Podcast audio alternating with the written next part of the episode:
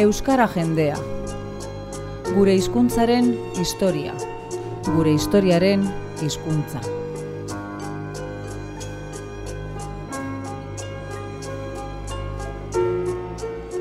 Izen bereko liburuaren egilea den Xamar ikertzaileak, Bilbo iria irratian Xavier Monasteriorekin, solasean pasarte laburretan aurkeztu eta azalduko diguna. Euskaldunok gure historia hobeto ezagutzeko.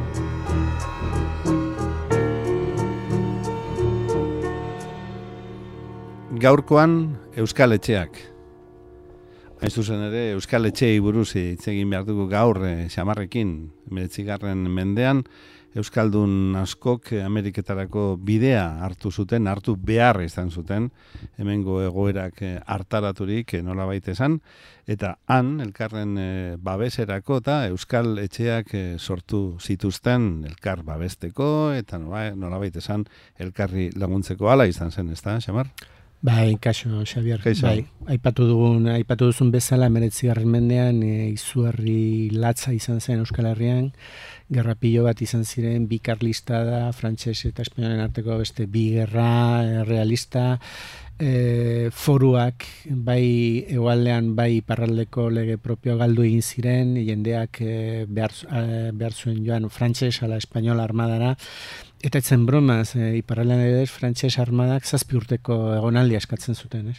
O, i, izuarrizko gaztean dana batek e, kanporako bide hartu zuen ba, kezkatzeko moduko mogimendu, mogimendu izan zen Ameriketara hainbeste daño herri batzuk iaia ustu egin ziren, ez da? Gaztez bai. ustu egin ziren. Bai, bai, bai, izu herri, hain kezkarri izan zen, ba, kampaina batzuk bereziki parralean eh, antolatu zituzten, ba, emigrazioen kontra, eta bersuak eta dena sortu zituzten, kontatzeko ba etzela ingoxo, etzela inerresa beraste Ameriketan eta behar bada bezala herrian gelditzea, ba izugarrizko mugimendu izan zen.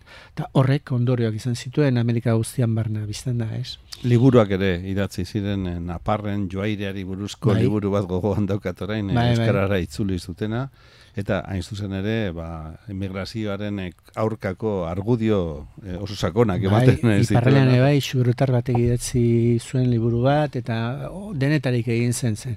E, iunda piko mila gaztek utzi zuen iparrelea eta pentsatzen kasi zen e, kasi gerdia, erdia, kasi, bai, bai, bai. eta eta batez zen erdiak Amerikarako bidea. Hori da, eta batez zen gainera e, oso gazteak e, e, kemen handiko jendeak, hori e, ondorioak izan zituen iparraldean, bai.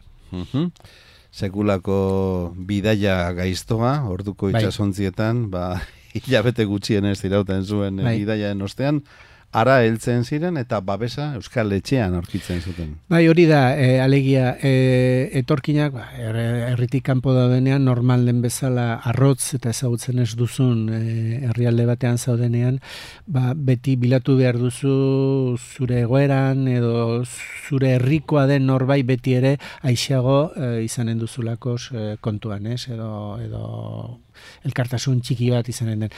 Ta, segidan, hainbeste gazte joanik, segidan hasi ziren antolatzen, e, estatu batuetatik hasi eta txile bitartean, ba, alako sare batzuk, Oin, askotan hemen ikusten ditugunean e, kanpotik etorritako jendeak, bo, hartzen gara, ba, taberna berberetara joaten dira, edo elkarrekin ibiltzen dira negoziotan, edo normal da, ba, ez, ba, herrikoa da, ba, bilatuko diot edo lagunduko. Eta hartaz biatzen, eh, ezagutzen dut, edo senidea dut. Hori da, batez ere, baldin badago gainera bere kultural bat, ez, alegia hizkuntza tartean, ez, orduan zure hizkuntzako jendea aurkitzea eta aixeago da, uler ulertzeko eta laguntzeko hauner herrikoa da edo normalen bezala.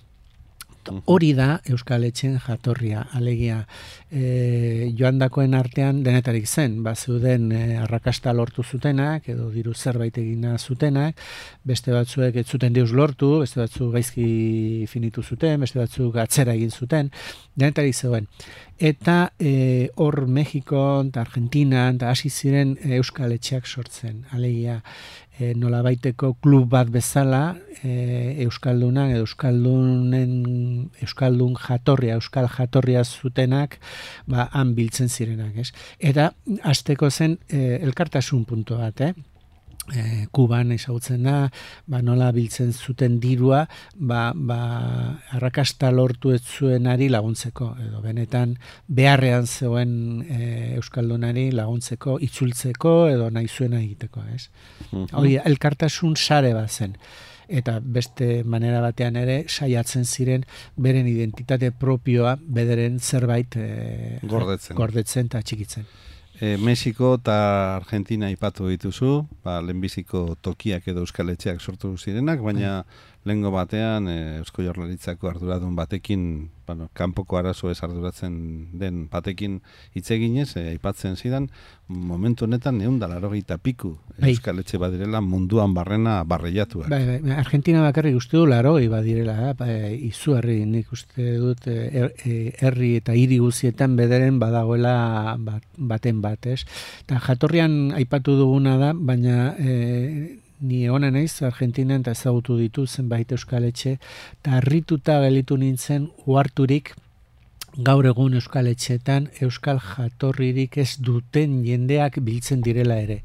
Ez, ara joanik segidan hasten zara galdezka, ez? Ta zu nunik heldu da, ba, aitona ondarrukoa zen, eh? nerea e, doniane garazikoa edo, holakoa. Ta batzutan ez, ez guk ez dugu euskal jatorri bat ere, bat ere. Eta nondik datorkie ba, txikimendua, ba, lagun euskaldunak dituztelako agian? Hori alde batetik eta bi euskal etxeak oso dinamikoak dira. Dira klub bat badute askotan pilotaleku, aktivitateak, ekintzak, ateraldiak, dantzak, e, harritutan egoen, bat, ikusten eh, euskal dantza, dantzatzen, eta gero bere egin zu, eta zu nun, duzu jatorria edo nundik, ez ez, ne, jatorria Polonia eta Alemania da, eta Italia, ah, ongi, eta zer egiten duzu hemen, ba, eske, euskal etxea gure hiri hontan Rosario zen, e, Argentinan, Rosarion, ma, izu arrizko ekimenak eta ekintzak egiten ditut, oh, etortzen gara, inork ez dugu ezer esaten. Ez zaie eskatzen odol, odol bermerik Euskal Etxekoa izateko.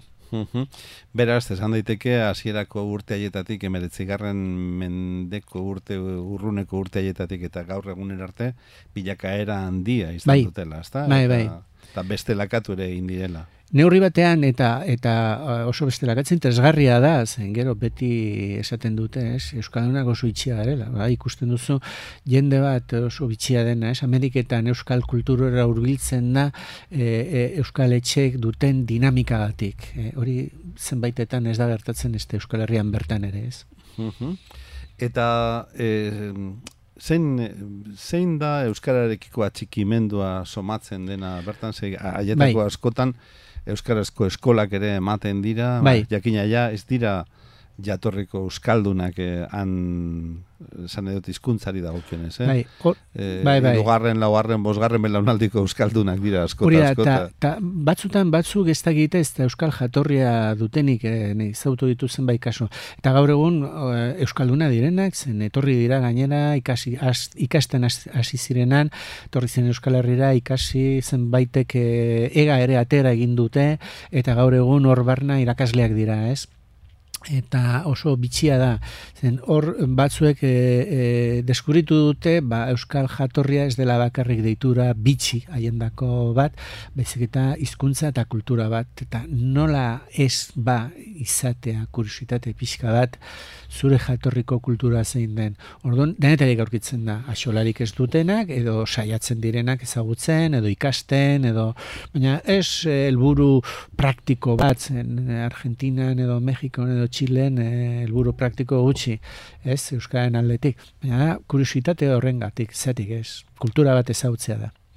Eta Euskaldun jatorrikoak diren hoiengan baita ere identitatea gaitik, ez da, bai. identitatearen beste bai. ikur bat denako. Izagutu ditut e, Euskal Italiar e, jendeaz, e, Buenos Airesen ustu terdia direla Euskal jatorrikoak eta beste erdia Italiar jarrikoa. Eta e, ezagutu nuen neska bat eta e, Euskaraz egiten zuena aski txukun, aski ongi.